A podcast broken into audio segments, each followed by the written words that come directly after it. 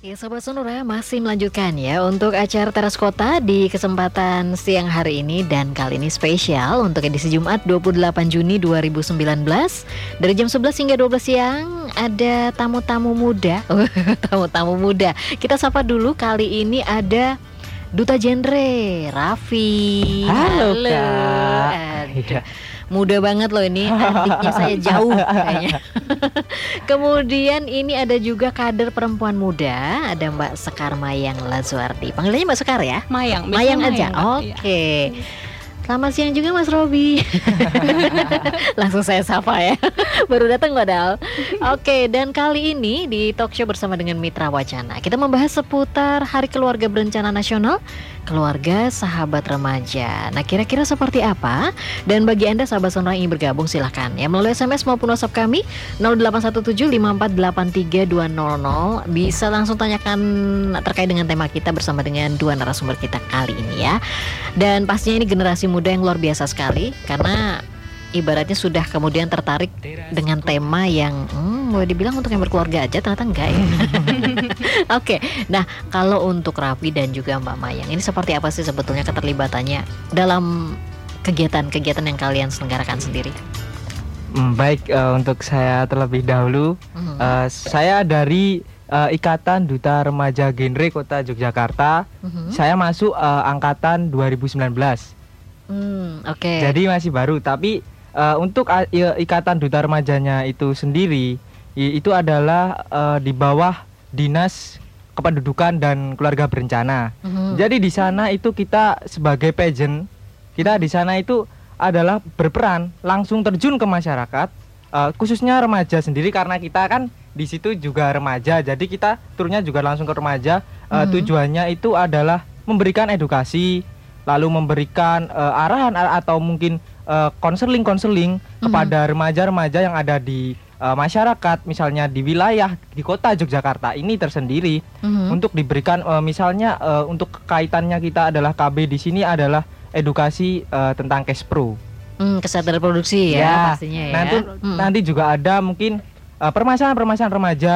Mhm. Remaja juga bisa curhat dengan kita karena kita juga mempunyai eh, banyak sekali kontak person juga yang bisa digunakan untuk ah, curhat seperti itu. Hmm. Terus ada juga kita misalnya untuk eh, ada di pikir-pikir wilayah Mm-mm. ingin uh, mendatangkan dari duta ini sendiri untuk acara misalnya penyampaian materi dari Kespro ataupun uh, apa ya misalnya uh, terkait dengan ikatan duta remaja itu sendiri bisa Hmm, berarti di sini paling tidak teman-teman remaja ini butuh temen yang seumuran Iya. ya biasanya. Karena kan biasanya kalau udah udah apa ibarat mau ke orang tua tuh kayaknya, Iya. "Duh, malu ah gitu Nah, kan. gitu lebih enak sama teman. nanti malah dimarahin Oh gitu.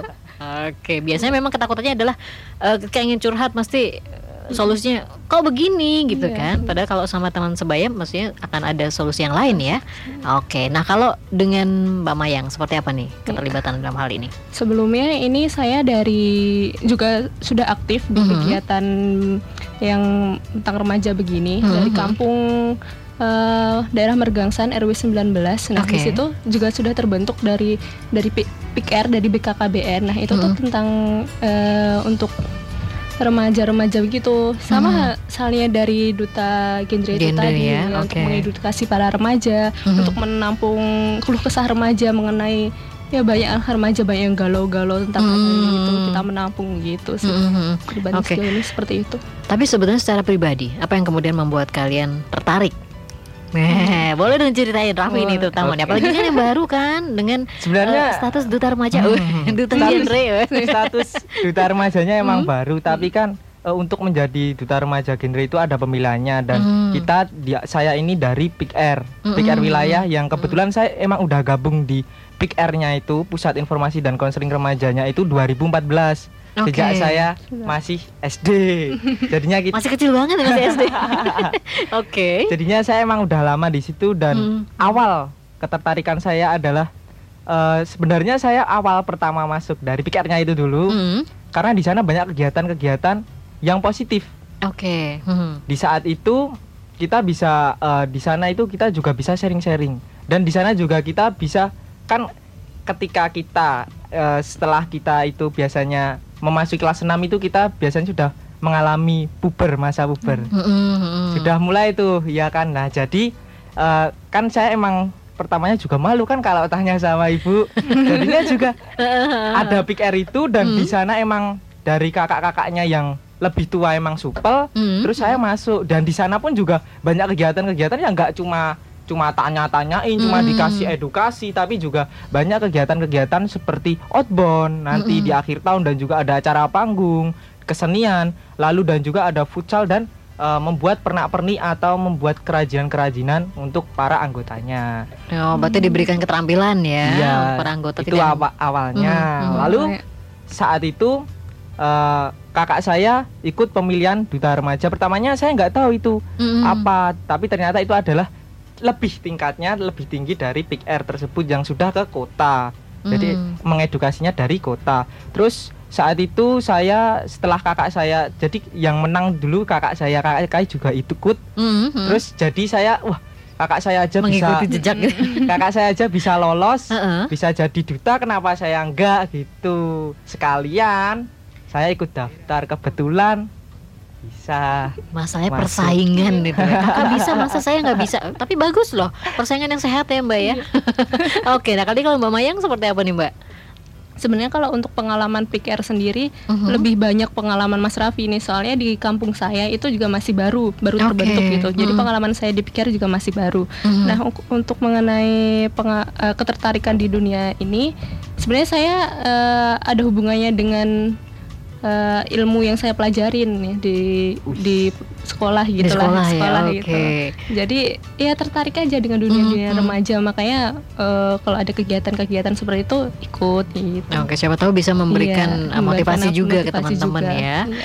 Oke, luar biasa sekali nih ya. Masih muda tapi sudah kemudian ikut terlibat nih dalam kegiatan Hmm. seperti ini. Dan pastinya kalau dilihat dari remaja sekarang, apa yang kemudian menjadi keprihatinan kalian berdua? Baik mbaknya dulu dong dari tadi aku dulu Masalahnya nanti mau dicontek jawabannya. Iya. Oke, oke. Nah, yang menjadi prihatin di mata Mhm. saya nih ma- remaja sekarang ini kurangnya eh, kesadaran moral pada diri remaja gitu. Oke. Kesadaran Mhm. itu sih. Mhm. Yang garis besarnya di situ. Mhm. Gitu sih dan ya Berarti paling tidak Iya. di sini bisa dong remaja-remaja mencontoh kalian berdua ya. aduh Eh? aduh jangan. tahu lah dan Yang baik aja yang contoh. yang mencontoh yang baik Iya. aja gitu loh. Iya, iya. Lalu Raffi seperti apa nih keprihatinannya terhadap remaja sekarang apa sih sebetulnya? Eh, baik kalau berbicara tentang remaja Mhm. s- eh, lebih ke eh, sikap perilakunya kan biasanya eh, mudah mulai berubah dan dia ingin mencari jati dirinya. Mhm. Nah, yang eh, saya prihatinkan apabila dia memasuki atau dia terjerumus ke hal yang tidak baik. Misalnya Hmm. contohnya dia masuk ke lingkungan yang tidak baik. Misalnya di situ pemabuk Mhm. atau misalnya di situ em, geng begal atau Iya. misalnya kayak Mhm. gitu. Mhm. Kan itu otomatis membuat si remaja ini menjadi terbawa Oke. seperti itu. Mm-mm. Itu untuk uh, dari sikapnya dulu. Tapi kalau misalnya juga bisa, misalnya dia itu bergaulan bebas Mm. ataukah nanti dia juga uh, gimana ya? Jadi itu pokoknya yang membuat membuat masa depan remaja itu bisa semakin suram gitulah. Hmm, berarti di sini paling tidak bisa pilah-pilah nih pergaulannya Iya. seperti apa ya? Dan Mhm, itu mhm. sebenarnya bukan eh, semata-mata kesalahan remaja semua Mm-mm. gitu loh. Jadi ada faktor lain yang menyebabkan remaja seperti itu. Mhm, Jadi bisa dilihat dari mungkin lingkungannya atau dari sisi Itu keluarganya biasanya yang ya, lingkungan paling itu. Kalau di lingkungan saya Mm-mm. sendiri Mhm. itu adalah belenggunya ada di lingkungan. Iya. ketika Oke. kita bergaul kita tidak mungkin kan tidak bergaul masa mau di rumah Mm-mm. terus gitu. tapi ketika kita bergaul loh kok teman kita pada minum semua atau teman kita Mm-mm. pada rokok Iya. semua Mhm, ikutan ah gitu kan. Ah, kalau enggak kalau enggak Iya. ikutan pun nanti bisa dibully juga nah Oke. kalau kitanya sendiri nggak punya apa ya Benteng. pertahanan diri yang kuat Mhm, mhm. nanti kita bisa terjerumus Terjerumus, Oh. nah gunanya Pick Air Mm-mm. di wilayah adalah untuk memberikan benteng diri dan edukasi kepada remaja supaya kita itu berani mengatakan tidak kepada hal yang tidak baik untuk kita. Luar biasa sekali. Seneng kalau lihat semangatnya yang masih menggebu-gebu begini kan malah asik ya. Masih Paling tidak, muda mm, mm, mumpung masih muda apa sih yang bisa diberikan ya untuk Iya. eh, terutama untuk teman-teman sebaya gitu kan. Oke, dan sahabat sonora untuk Anda yang bergabung ya pada kesempatan siang hari ini silahkan mumpung ada dua duta dua duta ya. Dalam arti ini kita membahas seputar remaja. Di antaranya ada duta genre Mas Raffi. Kemudian ada juga kader perempuan muda Sekar Mayang Lazuardi. Biasanya kalau perempuan muda cenderung lebih ke aku pengen ke sana aku pengen ke sini. Tapi kalau ini fokus juga deh kayaknya.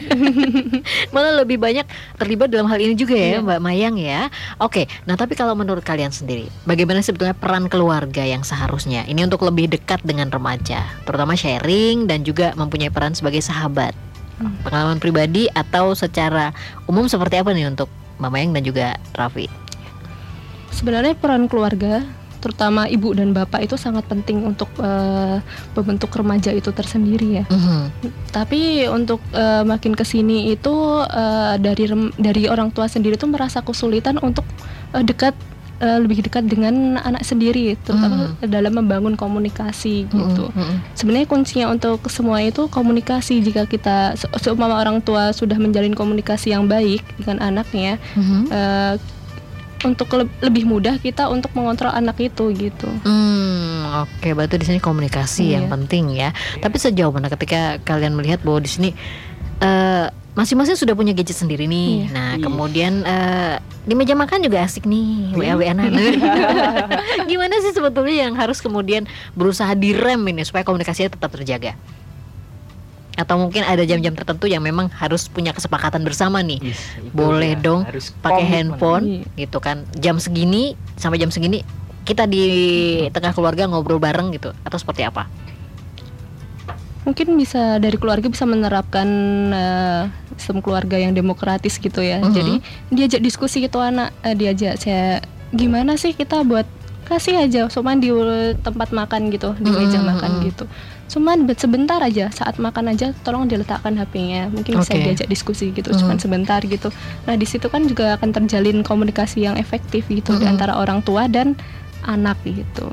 Oke, karena kan kita sendiri eh, punya handphone Iya. sih nggak ada salahnya. Kamu apalagi kan semakin ke sini Mm. kayaknya semakin canggih ya. Iya, be- Ibaratnya tahu nih posisinya, anaknya mau ke mana, kamu di Iya. mana, share dong, lokasinya di mana. Jadi nggak bisa macam-macam Iya, ya. Jadi di sini paling tidak seberapa seberapa multifungsikah peran Iya. dari gadget ini sendiri ya untuk Iya. mereka ya. Nah kalau dari Raffi seperti apa nih Vi? Oke. Jadi untuk pertama dari keluarga itu, Mhm. keluarga sebenarnya memiliki delapan peran. Uh, Oke. Dia sebenarnya memiliki delapan fungsi yang apabila sebenarnya jika semua fungsi ini diterapkan, Mhm. pasti hubungan keluarga itu akan terjalin harmonis. Yang pertama itu ada fungsi agama, fungsi sosial budaya, cinta dan kasih, perlindungan, reproduksi, sosialisasi dan pendidikan, fungsi ekonomi dan fungsi lingkungan. Nah, kadang-kadang di keluarga itu biasanya yang terlupa, yang terselip kelupaan adalah eh, fungsi cinta dan kasih sayangnya ini. Banyak lupanya berarti ya. Biasanya Oke. eh, dari orang tua sendiri itu kadang malu untuk mengucapkan eh, misalnya ketika dia sayang sama anaknya Mhm. dia mengucapkan le aku tuh sebenarnya sayang lo sama kamu le kok Mm. kamu jangan kayak gini misalnya kayak gitu Mm. tapi nanti kalimat yang keluar sebenarnya Beda. beda. lebih ke keras seperti itu Mhm. M- lalu juga biasanya untuk ayah Mm. apalagi ayah nih biasanya wis kalau sama kata-kata yang kayak gitu biasanya eh, nggak keluar Mm. ke Langka sama ya? anaknya soalnya mungkin dia eh, nggak gimana ya nggak percaya diri bukan nggak percaya diri Gengsi. tapi malu gengsi Oh, iya. itu Hmm. gengsinya itu nah yang harus dihilangkan sendiri untuk keluarga adalah itu ketika kita ingin membuat jalinan hubungan yang kuat antar keluarga otomatis kita juga harus harmonis di dalamnya Mhm. dalam Mhm. dalam arti ketika kita berhubungan dengan keluarga kita itu kita benar-benar menghormati satu sama lain dan Oke. itu harus komitmen dari semuanya tidak bisa Hmm. salah satu misalnya nggak juga remaja nggak harus nyalain orang tua terus misalnya orang tuanya bawel kita Hmm. juga bisa misalnya emang orang tua kita yang eh, kita berikan apa ya namanya kita yang merajuk lah istilahnya kita yang merayu-rayu orang tua Hmm, kita hmm. misalnya orang tua kita baru bawel kita bisalah merajuk merajuk seperti itu jadi Hmm. kita harus sama-sama saling melengkapi misalnya kekurangan orang tua kita lengkapi dengan anaknya. Jadi tidak saling menyalahkan sebenarnya yang paling penting Hmm. untuk Dan menjaga. itu kenapa kemudian diperlukan komunikasi Iya, timbal balik betul. ya. Tadi yang seperti dikatakan Hmm. Mbak. Benar. Mbak Eh, Mayang. Jadi di sini paling tidak luangkan waktu hanya sebentar. Apa sih susahnya tanpa handphone 3 sampai 4 jam gitu ya di rumah ketika memang saatnya untuk kumpul keluarga Iya. gitu ya. Oke. Tipsnya bagus juga karena sekarang kita kayaknya susah. Ibaratnya nggak pegang HP satu menit aja udah kelabakan. Apalagi kalau ketinggalan Mbak Mayang ya. Iya. Oke, dan pastinya nanti kita akan lanjut lagi sahabat sonora obrolan seputar tema kita di edisi siang kali ini ya. Terkait dengan Hari Keluarga Berencana Nasional, Keluarga Sahabat Remaja dan untuk Anda kami nantikan partisipasinya melalui SMS di 0817 5483200 WhatsApp juga bisa ya atau telepon di 557762. Ya Sobat Sonora masih melanjutkan ya obrolan bersama dengan Mitra Wacana dan kali ini kita membahas seputar Hari Keluarga Berencana Nasional dan Keluarga Sahabat Remaja. Masih bersama dengan Duta Genre, ada Raffi dan juga kader perempuan muda Sekar Mayang Lazuardi ya. Kita membahas seputar remaja. Sebenarnya seperti apa sih kemudian peran keluarga ini menentukan masa depan sang remaja ini sendiri kita bisa melihat dari dua sosok yang hadir di studio pada siang ini ya, yang kemudian memilih untuk memposisikan sebagai eh, apa sih ibaratnya mediator atau penengah nih ya, ketika memang dibutuhkan oleh teman-teman sebaya ya.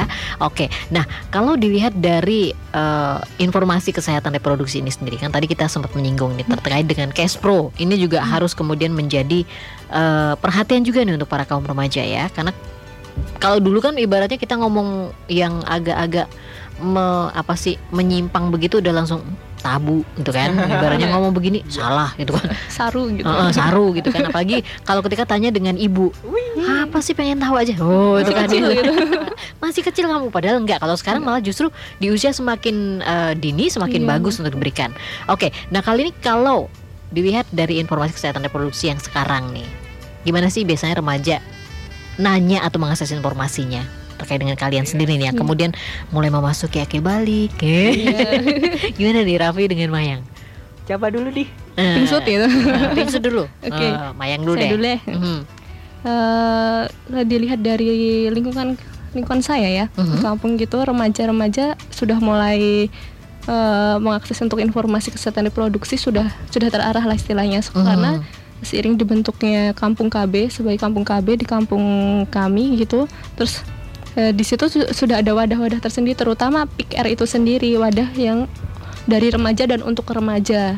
Nah itu tempatnya eh, remaja ingin bertanya mengenai apa saja pun di situ bisa dan yang menjawab kami juga dari remaja Mhm. pastinya ada bekal ilmu dari eh, dari BKKBN atau dari eh, orang yang mungkin kita bisa menanyakan gitu dengan orang yang mumpuni di bidangnya itu gitu. Hmm, yang memang kemudian menguasai ya Hmm, untuk menguasai bidangnya ya, sendiri ya, terutama dokter nih. Iya. biasanya. Nanti kita bisa Hmm. tanya dengan puskesmas. Oke. Ses- Mhm. di kan di bagi kecamatan sendiri-sendiri mesti ada puskesmas sendiri kan Mhm. gitu. Mhm. Nanti kan bisa koordinasi dengan pihak puskesmas gitu. Oke, itu paling tidak nih eh, gimana remaja kemudian mengenal mengenai Iya. kesehatan reproduksi sendiri ya. Apalagi kan sekarang banyak macam-macamnya.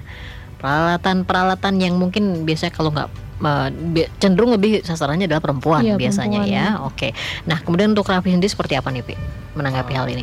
Untuk informasi uh, Cash Pro misalnya atau informasi-informasi kesehatan dan remaja khususnya uh, dari yang pertama biasanya kan remaja itu malu sendiri Mhm. untuk Mhm. tanya ke orang tua dan biasanya cenderungnya ke remajanya jadinya tapi ketika di uh, kampungnya belum ada kampung KB ataupun juga PIK-R itu Hmm. sendiri Mhm. otomatis kan kan kalau tadi ini ada udah ada PIK-R-nya Mhm. Nah, gimana nih kalau belum ada PIK-R-nya? Mhm. Hmm, Untuk kalau kita belum ada PIK-R-nya, tentu kita sekarang semua sudah pegang gawai. Oke. Dan media-media eh, dari eh, duta remaja dan baik itu yang lebih di atasnya lagi ada genre dari DIY, Mhm. itu eh, banyak share informasi-informasi tentang kesehatan remaja di Instagram dan juga di blognya lupa namanya.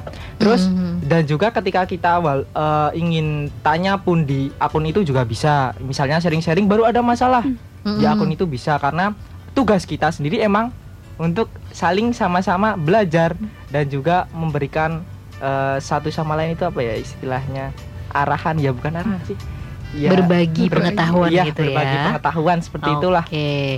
Berarti di sini nggak sampai salah terima informasi Iya. gitu ya. Iya. Nah, benar. itu Hmm, Uh, hmm. dan juga kalau misalnya uh, belum ke Instagram, misalnya langsung ke internet, ke Hmm. internet searching gitu ya searching gitu, Hmm. perlu diingat bahwa tidak semua informasi yang ada di sana benar. Hmm. Mungkin uh, misalnya remaja nih baru uh, awal-awalnya yang cewek biasanya kalau mens itu katanya kadang ada agak sakit ada demam, Demam, gitu. mm. Aduh, aku kok demam? Jangan-jangan aku kena apa ya HIV gitu. Dia takut. dia Iya. searching HIV Hmm. ternyata ada salah satu indikasinya itu terus Demam, langsung iya. takut gitu. Nah, itulah gunanya sebaiknya bertanya kepada Ahlinya. orang yang terpercaya bagi dia itu Iya. sendiri. Oke, karena biasanya memang cenderung ketika pengen tahu sesuatu kita browsing, terimanya mentah gitu ya, Iya. gitu. tanpa kemudian bertanya lagi kepada yang memang ahli Iya. gitu kan. Oke. Nah, tapi kalau dari pengalaman kalian sejauh ini ketika Mm-mm. memang menghadapi fase seperti itu, apa yang kemudian kalian lakukan? Raffi atau Mayang, silahkan malah lempar-lemparan. Oke, aku dulu deh. Oke. Ketika saya sendiri berarti ini saya istilahnya sebagai Curhat dong, menceritakan Pengalamanmu dirimu, gitu. pengalamanmu sebagai remaja remaja. yang kemudian eh, beranjak mulai apa sih dari dari kecil Puber. kemudian belajar mulai beranjak puber. Nah, Bukan. gimana? saya sendiri Dulu dulunya. Oke. dulu ya. Hmm. Kalau dari hati bergejolak, aduh, mulai timbul rasa cinta terhadap lawan jenis seperti Mhm. itu. Terus apa ya? Terus itu kita sudah mulai, pokoknya kita sudah berani ngeyel dengan ibu yang pasti Oke. itu. Mhm. Dan emang eh, gimana ya? Kalau dulu tuh biasanya gini kalau saya, ketika saya masih SD itu, kalau saya dinakalin temen, Mhm. saya bisa bebas ngomong, bu aku dinakalin temen gitu Nah. bales nih bu biasanya gitu Hmm. tapi ketika saya sudah menginjak ke puber itu tadi Mhm. saya jadi untuk ketika saya ada masalah saya jadi malu bilangnya ke orang tua gitu Oke. sehingga saya memendam masalah misalnya saya juga suka sama cewek Hmm, gitu. aduh. terpendam gitu Istilahnya terselubung gitu iya ya. nggak berani ngomongnya gitu Hmm. Tapi sekarang mulai bisa terbuka. wih ya sebenarnya sih kalau Enggak sama- banget gitu. ya. sama sama ayah jauh banget tapi kalau sama ibu deket emang deket bahkan Ah. kalau eh, misalnya eh, permasalahan-permasalahan yang pelik pun juga kalau sama ibu emang sering curhat Hmm, paling tidak ada ada ada apa ada tempat untuk Iya. mencurahkan kegalauan. Oke. Nah, kalau Mayang seperti apa nih Mayang ketika- pengalaman Hmm. waktu awal remaja mengejar Hmm, remaja hmm. gitu kalau saya dulu waktu masih inget nih waktu SMP Hmm. lagi seneng senengnya dandan Oke. kebuka ya, kebuka ya. Oke. jadi di kelas pun dari sekolah gitu bawa kaca jadi ada Oke. bedaknya ibu nah bedaknya bedaknya ibu kan ada, ada tutupnya gitu Hmm. tutupnya tuh kaca dilepas gitu dibawa ke sekolah gitu Ah, Oke. aku lagi kayak gitu kayak gitu Rahasia cewek ya. gitu sih terus sedang sama lawan jenis gitu Hmm. sih Oke. Gitu, gitu. Tapi sejauh ini ketika memang mengalami masa ibaratnya galau nih, ketika Iya. memang eh, beranjak remaja, ada nggak sih eh, ibaratnya kekhawatiran ini kalau cerita sama ibu, kira-kira ibu gimana ya gitu kan? Orang tua khususnya seperti apa? Iya. Pertama sih agak malu nggak enak gimana gitu Eh, gitu. Terus tapi akhirnya kebanyakan nggak cerita sih. hmm. Kebanyakan nggak cerita. Hmm. Pengalaman saya dulu gitu. Jadi lebih banyak Oke. cerita sama temen. Tapi kalau seumpama sudah bener-bener eh, butuh banget cerita, Hmm. udah mentok banget ini cerita sama orang tua gitu.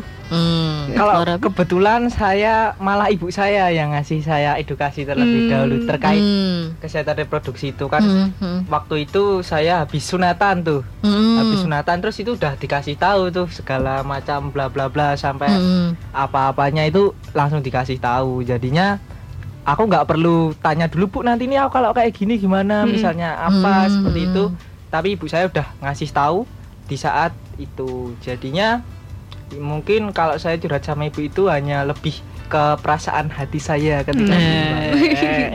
Ketika galau gitu kalau kan. Casper udah dikasih tahu Iya, Hmm, dari awal udah dikasih Nggak- tahu ya. nggak tabu-tabuan sih kalau ibu saya sama Hmm. Ya sebagai antisipasi sih ya. Iya karena kan- harus soalnya kalau emang kita itu kan yang dari awal itu emang yang paling dekat harusnya kan keluarga. Iya, Hmm. Ketika hmm. keluarga aja sudah gimana ya? eh, untuk membicarakan seperti itu aja udah aduh ah males ah ya wis lah tak pedeme dhewe Hmm. otomatis ya ke orang lain pun Iya. nantinya juga pasti ya enggak apalagi dia kalau temenan itu mungkin cuma baru temenan itu kan biasanya enggak enggak sedekat banget Hmm. sampai ngomongin yang kayak Iya. gituan kan ah. otomatis kalau dari keluarga itu memang lebih bagus dan lebih cocoknya itu memang dari keluarga terlebih dahulu Oke, itu. orang pertama pastinya iya ya. Karena biasanya kalau ketika kita curhat dengan eh, teman, apalagi nih Mm-mm. teman yang ibaratnya tanpa kita sadari punya niat yang kurang baik juga Hmm, akan Iya bahaya sih, juga bahaya ya. juga. Oke, seru juga berbincang seputar pengalaman pribadi mereka ya sahabat serada pasti untuk ada yang mungkin pengen tahu kira-kira eh, tips mereka menangkal apa sih hal-hal yang negatif itu seperti apa sih? Kita akan lanjut nanti ya, tetap bersama kami di 97,4 FM. Ya sahabat serura masih melanjutkan ya obrolan bersama dengan Mitra Wacana dan kita masih membahas Hari Keluarga Berencana Nasional bersama sahabat remaja ya, terutama keluarga sahabat remaja. Nah silakan bagi Anda yang bergabung ya, mumpung ada dua narasumber muda kita yang hadir pada kesempatan siang hari ini yaitu Duta Genre ada Raffi dan juga kader perempuan muda ada Sekar Mayang Lazuardi atau Mbak Mayang ya dan kali ini kalau tadi kan sudah disampaikan banyak hal nih kira-kira eh, tips mereka bukan tips sih semacam eh, curhatannya jadi para orang tuanya yang kemudian mendengarkan oh begini ternyata dulu ya gitu kan sudah langsung "Hmm, ketahuan deh kemarin nggak ngomong-ngomong sekarang langsung terbuka sendiri gitu kan Oke, nah kali ini terkait dengan informasi kesehatan reproduksi sendiri. Nah kadang-kadang kan remaja ini, eh, kalau tadi kan agak tabu nih. Kira-kira kalau keluarga sendiri sudah aware nggak sih terkait dengan cash pro ini untuk kalian Oh, dari sudah. sisi orang tua sudah? sudah sudah Sudah aware. aware. karena ya balik lagi di kampung Hmm, hmm. saya juga sudah jadi kampung KB jadi Hmm, semuanya sudah ada sudah teratur Oke. Ya, di situ sudah kampung KB itu untuk balita lansia remaja itu semua sudah eh, ada pembahasannya masing-masing gitu loh Hmm, kalau untuk hmm. cari informasi tentang lansia itu pun ada Hmm. balita pun ada nah begitu pula dengan remaja di situ pun ada dan untuk di sana juga ada program BKR Bina Keluarga Remaja Mhm. Nah itu eh, yang mengikuti di situ orang tua yang memiliki remaja. Oke. Nah, eh, secara eh, situ di situ apa ya, orang tua di situ kan mesti juga udah paham ada materi-materi dari BKKBN atau dari mana saja gitu. Hmm, hmm. Eh, dan itu yang bisa di untuk bisa diterapkan kepada anak-anak gitu di rumah gitu. Oke, berarti di sini semua semua keluarga paling tidak bisa menjelaskan Bisa. secara detail ya. Iya. Mas, kalaupun kurang kurang kalian sendiri biasanya kan pengen tahu banyak nih. Kalaupun ada hal yang tidak bisa dijawab, mereka akan mengarahkan ke tempat yang cocok Iya. ya. Ibaratnya kan bisa Oke. curhat gitu kan konsultasi. Oke, kali ini kita coba tanggapi dulu beberapa SMS yang sudah masuk ya. Eh, cuman sayangnya ini kok nggak nyebutin nama ya. Bentar. Pendidikan cash pro yang, yang seperti apa sih yang menurut eh, kalian paling menarik dan juga mudah dipahami oleh remaja? Silakan ayo, apa kira-kira? Hmm. Gimana Mayang? Kesehatan reproduksi yang paling menarik itu tentunya yang eh, tidak hanya materi saja. Jadi Oke. kayak dikasih eh, seumpama mm, ada bahan bukan bahan atau eh, peraga begitulah Mhm. eh, kesehatan reproduksi. Nah sebelum mengetahui kesehatan reproduksi kita dikenalkan pengalaman saya dulu Mhm. dikenalkan nah, letak-letak organ reproduksi gitu mulai Mhm. rahim atau apa gitu Mhm. menggunakan permainan. Nah, Oke. gitu games-games kayak gitu. Nah itu kan jadi eh, rasa keingin tahuan eh, peserta kegiatan itu kan jadi Mhm. lebih menarik dan lebih mengulik lebih enak itu buat mengulik ke dalam ke dalam lagi begitu. Hmm. Kalau dari Raffi seperti apa?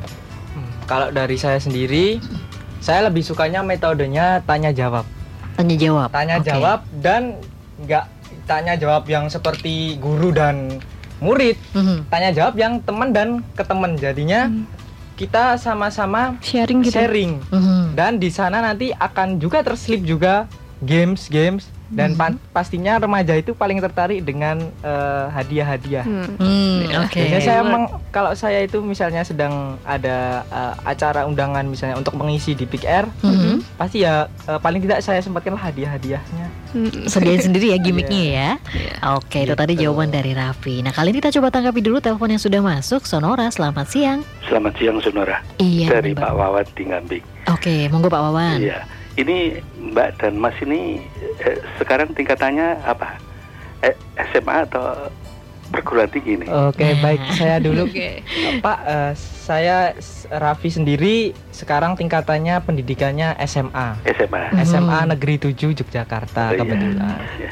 Kalau Mayang? Kalau saya, halo Pak, ini saya sebenarnya kebetulan kuliah nih Pak Oh, di iya. semester 6 Iya. Hmm. di jurusan psikologi Pak. Ya, Gitu. Eh, kalau dari Mbak, Mbak dan Mas tadi dalam rangka mengetahui sejauh mana secara keseluruhan ya gambaran terhadap remaja itu kadang-kadang sok melihat atau mencari data-data masalah persoalan kesehatan reproduksi di mana perka- termasuk perkawinan dini datanya biasanya di pemuda-pemuda itu ada apakah sudah pernah melihat dalam mungkin tiga tahun terakhir ini naik atau turun? Kalau naik berarti metodologi pendidikan yang ada itu mungkin perlu eh, mendapat eh, perhatian khusus. Apakah ada kekurangan ada ketidakaktif efektifan lah ini apa mbak-mbak dan mas ini juga sering melihat data-data itu.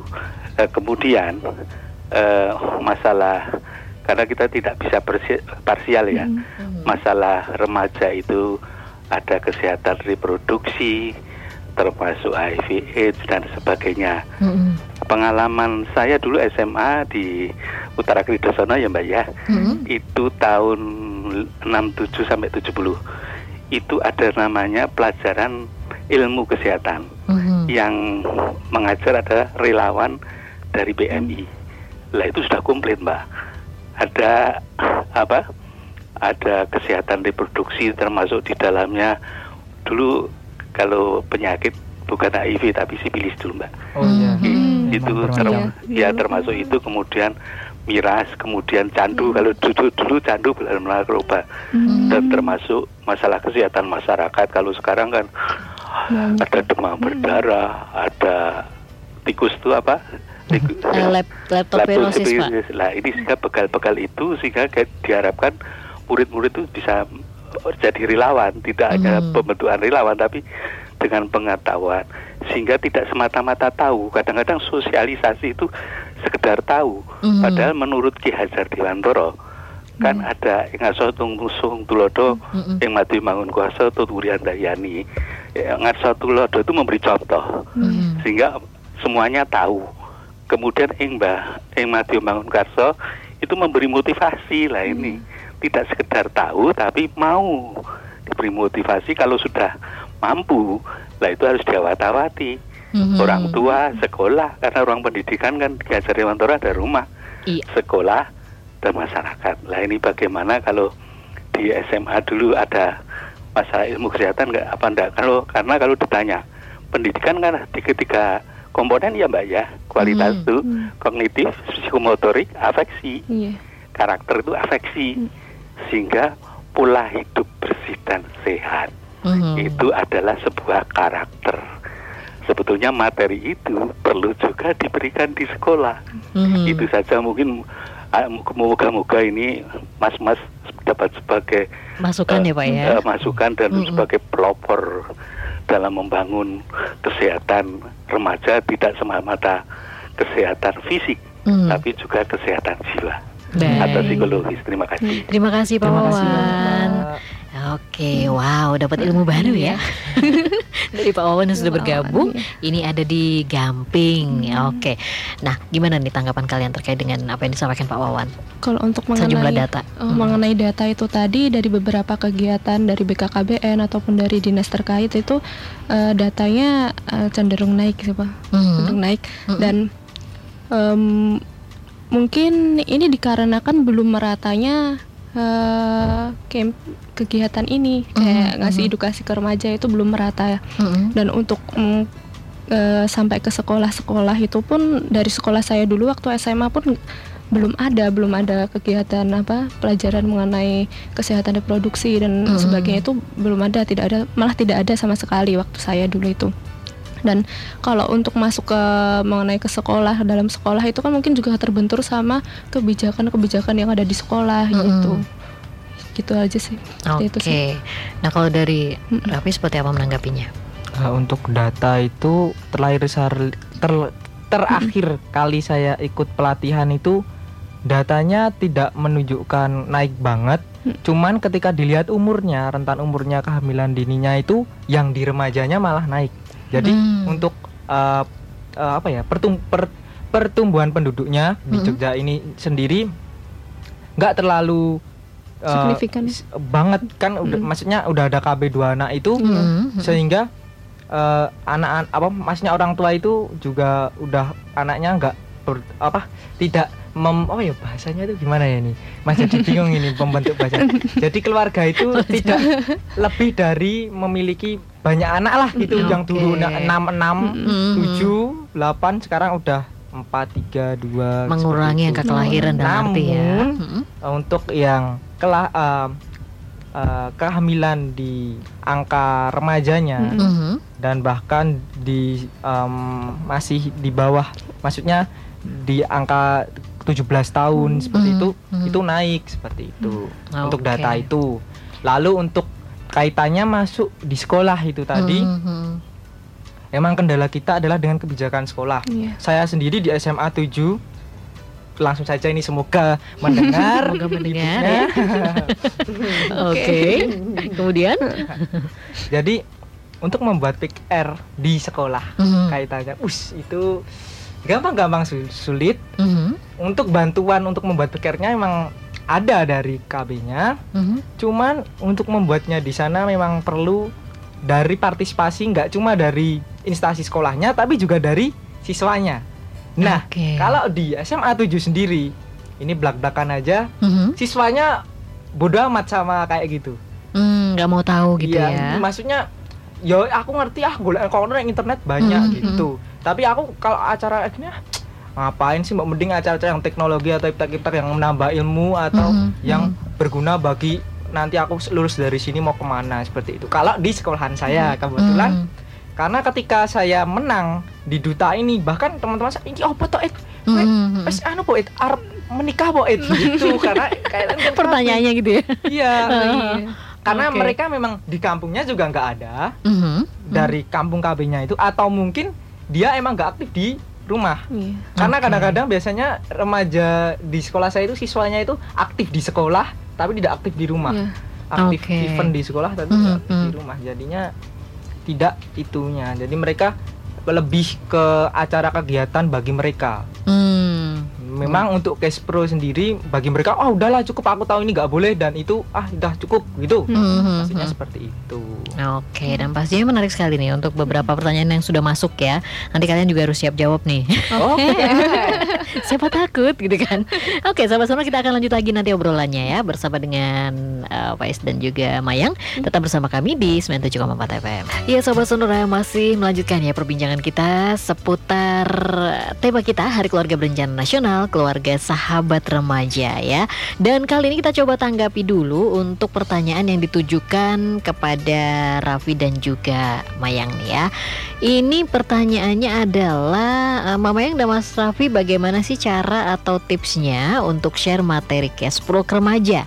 Soalnya kan kebanyakan remaja masih malu nih dan tabu saat membahas hal-hal yang bersangkutan dengan edukasi kesehatan reproduksi. Eh, silakan.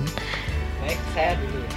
Nah, kalau saya senangnya itu tadi sudah saya sebutkan, saya sukanya tanya jawab, apalagi untuk remaja yang dia notabene masih baru, baru masuk remaja. Misalnya anak eh, Mhm. SD mau SMP seperti itu, Mm-mm. kita untuk melakukan eh, seperti memberikan materi PPT yang hanya dipaparkan dan kita bacakan, us pasti remaja udah ngomong sendiri bahkan main HP. Mm-mm. Nah, untuk lebih uh, supaya efisien dan kita semua bisa kondusif di sana, tentunya kita harus menciptakan suasana yang kondusif itu dengan uh, tidak terlalu membawa uh, materi yang berat, apalagi Hmm. untuk remaja yang baru. Mhm. Membawa materi yang ringan-ringan dulu, sedikit dulu, dan nanti di sana lebih banyak lah uh, bercandanya, untuk sharingnya, yang tentu yang ini yang sebenarnya paling penting adalah sharingnya Mhm. materi sedikit gak apa-apa tapi kita Mhm. bisa sharing bersama dan kita bisa menyimpulkan bersama apa yang terbaik bagi uh, masalah tersebut Mhm. lalu yang juga tidak kalah menariknya supaya remaja ini sangat tertarik pada uh, acara tersebut atau penyampaian materi tersebut itu juga di sana itu harus itu tadi diberikan seperti hadiah untuk oh siapa nih yang mau menyimpulkan uh, materi dari siang hari ini seperti itu. Mhm. Nanti berikanlah hadiah apa yang agak menarik Hmm. gitu. Wah, itu pasti remaja Rebutan ya. Apalagi hadiahnya itu bentuknya amplop. Wah. Udah langsung buruan cepet jawab ya gitu kan langsung tinggal pilih nih siapa kira yang tepat gitu kan taktiknya bener Iya. juga tuh Wah, tidak Iya. men- me- apa memancing mereka supaya kemudian eh, seba- seberapa besar sih mereka fokus pada materi yang dibahas ya oke nah kalau Mayang seperti apa nih Eh, Mayang Kalau dari saya sih jauh lebih sa- santai gitu sih, sharing-sharing santai gitu. Nggak harus kita yang cuma ngisi materi gitu di depan gitu, nggak. Mhm, Kita mhm. duduk bareng gitu, melingkar gitu. Ataupun eh, tuh pernah sekali itu juga kita keluar ke rumah makan atau di rumah makan gitulah kita eh, sharing-sharing mengenai hal-hal eh, case pro itu Mhm. gitu sih. Terus eh, intinya kalau dengan remaja itu kita jangan menggurui karena Hmm. mereka kadang eh, nggak suka gitu di- menggurui gitu apalagi semua sumuran kita sebaya terus kita yang ngomong gitu kan mungkin Iya. mereka agak eh gimana apa sok gitu kan Mhm. jadi jauh lebih kamu. Eh, eh, jadi jauh lebih kita sharing gitu aja sih oh ini aku kemarin dapat info mengenai hal ini hal ini Hmm, gitu hmm. oh gitu Terus nanti kan ada eh, ada yang mantik terus nanti mereka di- jauh berdiskusi gitu kalau kita Hmm, berdiskusi kan oh kita baru tahu teman itu dapat informasi baru tentang itu gitu Mhm. kan bisa saling tukar pendapat kayak gitu Mhm. tukar informasi gitu kalau untuk adik-adik yang masih kecil-kecil semua eh, remaja awal nih sebenarnya itu Mhm. juga perlu banget itu kita jauh lebih mm, dekat eh, pertama kita mendekati dulu sih pelan-pelan ngasih tahu gitu dan ja, kita jangan jangan pengen dibedakan lah cara kita untuk ke orang ya orang yang lebih eh, karakter orang gitu sih Mhm, intinya mhm. yang seusia remaja 17 tahun ke atas sama yang remaja awal masih belasan SMP kayak gitu Mhm.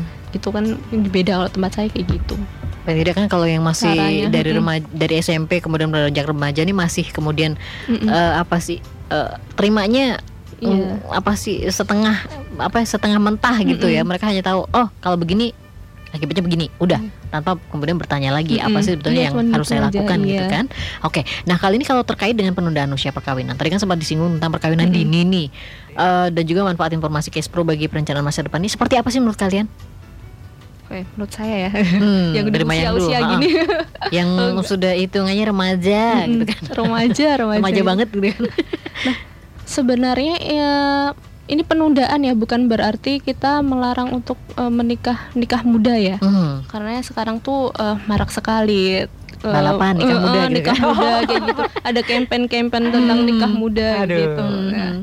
nah di sini dari pemerintah kan di pemerintah dan di BKKBN itu angka usia eh, pantas untuk menikah Mhm. ideal untuk menikah yang berbeda Mhm. Eh, kalau di BKKBN itu untuk wanita di sekitar eh, usia minimal usia 21 tahun Mhm. itu udah boleh menikah sedangkan untuk laki-laki 25 tahun. Mhm. Nah, kenapa dengan kenapa di usia usia segitu? Karena di usia tersebut si wanita sudah sudah siap siap Mhm. dari sisi eh, kesehatannya, Fisik. dari fisiknya juga Mhm. itu, terus dari psikologisnya juga sudah matang dan tentunya di usia-usia tersebut eh, pasti se- mereka sudah ada yang sudah sebagian sudah bekerja dari segi ekonomi pun sudah siap. Mhm. Bagi yang laki-laki itu juga sudah eh, usia 25 tahun mestinya dari sisi psikologisnya pun juga sudah siap, sudah matang gitu dan sisi ekonomi pun pasti juga sudah bekerja di usia seperti itu gitu sih. Mhm. Oke, berarti di sini memang eh, kenapa kemudian eh, pemerintah sendiri menetapkan bahwa di usia segini tuh mereka bisa siap semuanya gitu ya. Karena menikah itu tidak mudah ya. Iya, nah, banyak yang perlu Tanggung jawabnya banyak ya. Beruntun nih Mm-mm. ketika menikah tidak kemudian selesai. Saya happy Iya. enggak ya? Timbul permasalahan permasalahan. Permasalahan baru gue. Ini kayaknya rumah eh, beranjak Iya. dewasa Aduh. waktunya. Oke, untuk Raffi seperti apa, Bi? Terkait dengan ini. Pernikahan dini, Wan. Karena kan Sebenarnya banyak banget ya. saya kalau ditanya pernikahan dini, loh, saya emang kadang bingung sama orang yang menikah dini. Mm. Oh, gitu ya. Oke. Dia berani gitu loh menikah Hmm. dini. Padahal ketika kita itu eh, ingin eh, akan melakukan eh, ber- berkeluarga Mhm. seperti itu, tentunya kita nggak cuma hubungan antara suami istri itu nggak cuma hubungan yang Senang-senang aja. Ya, yang ada senangnya tapi juga Hmm, pokoknya itu hmm.